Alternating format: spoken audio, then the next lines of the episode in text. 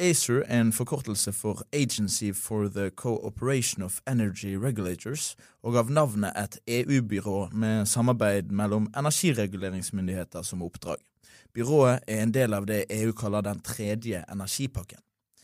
De siste ukene har ACER og den tredje energipakken blitt hyppig diskutert i mediene med steile fronter. Den ene siden mener at det er et avkall på norsk suverenitet over våre naturressurser, og at strømprisene blir dyrere. Den andre siden mener at energisamarbeidet er viktig for å sikre energi i år eh, der det er tørre høster og kalde vintre, for å nå klimamål og eh, at Norge da skal være med i Europas energiomstilling.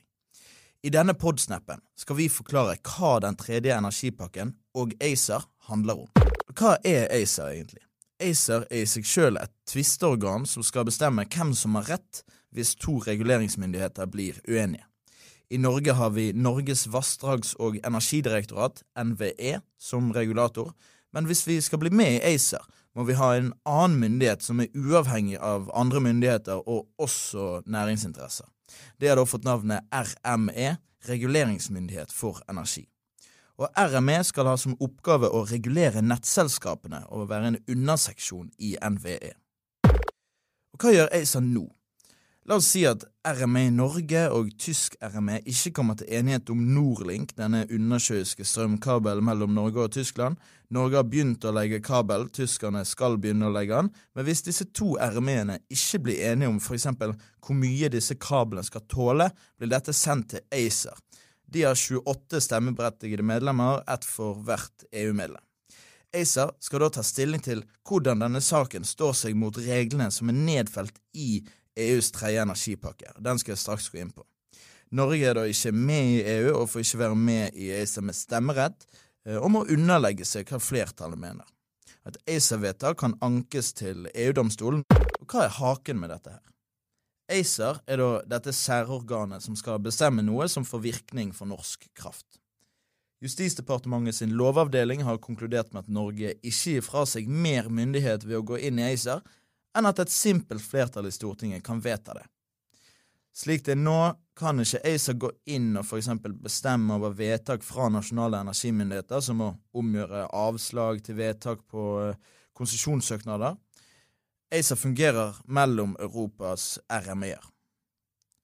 Det store spørsmålet er derimot hva kommer ACER til å være i framtiden? Skal de kun ha disse små inngripene de har i dag, eller skal de plutselig vokse seg til å få lov til å bestemme over Norge i mye større grad i fremtiden? Denne tredje energimarkedspakken, hva ligger i den?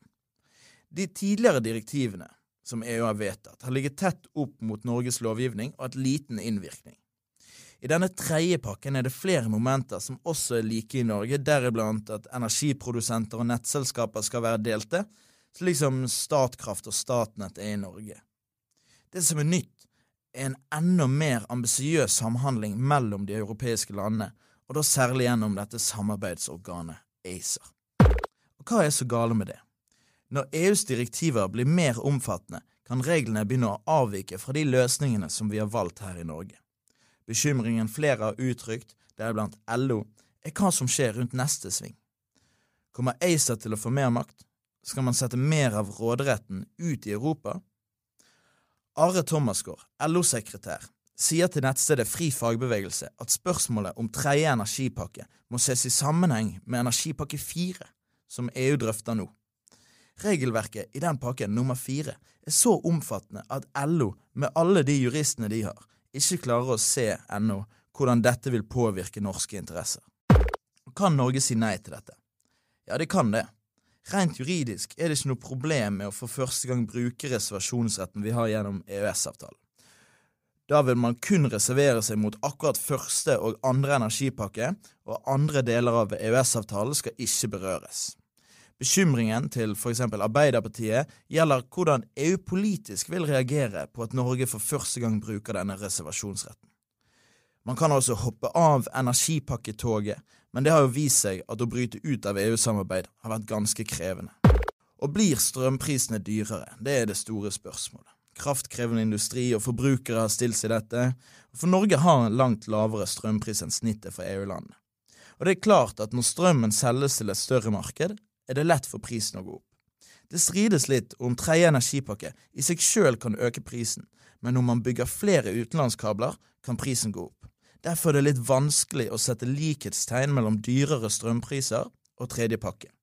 Så i seg sjøl kan ikke ACER eller tredje pakke pålegge Norge å bygge utenlandskabler, og man har jo ikke fått helt klarhet i hvilke konsekvenser denne fjerde pakken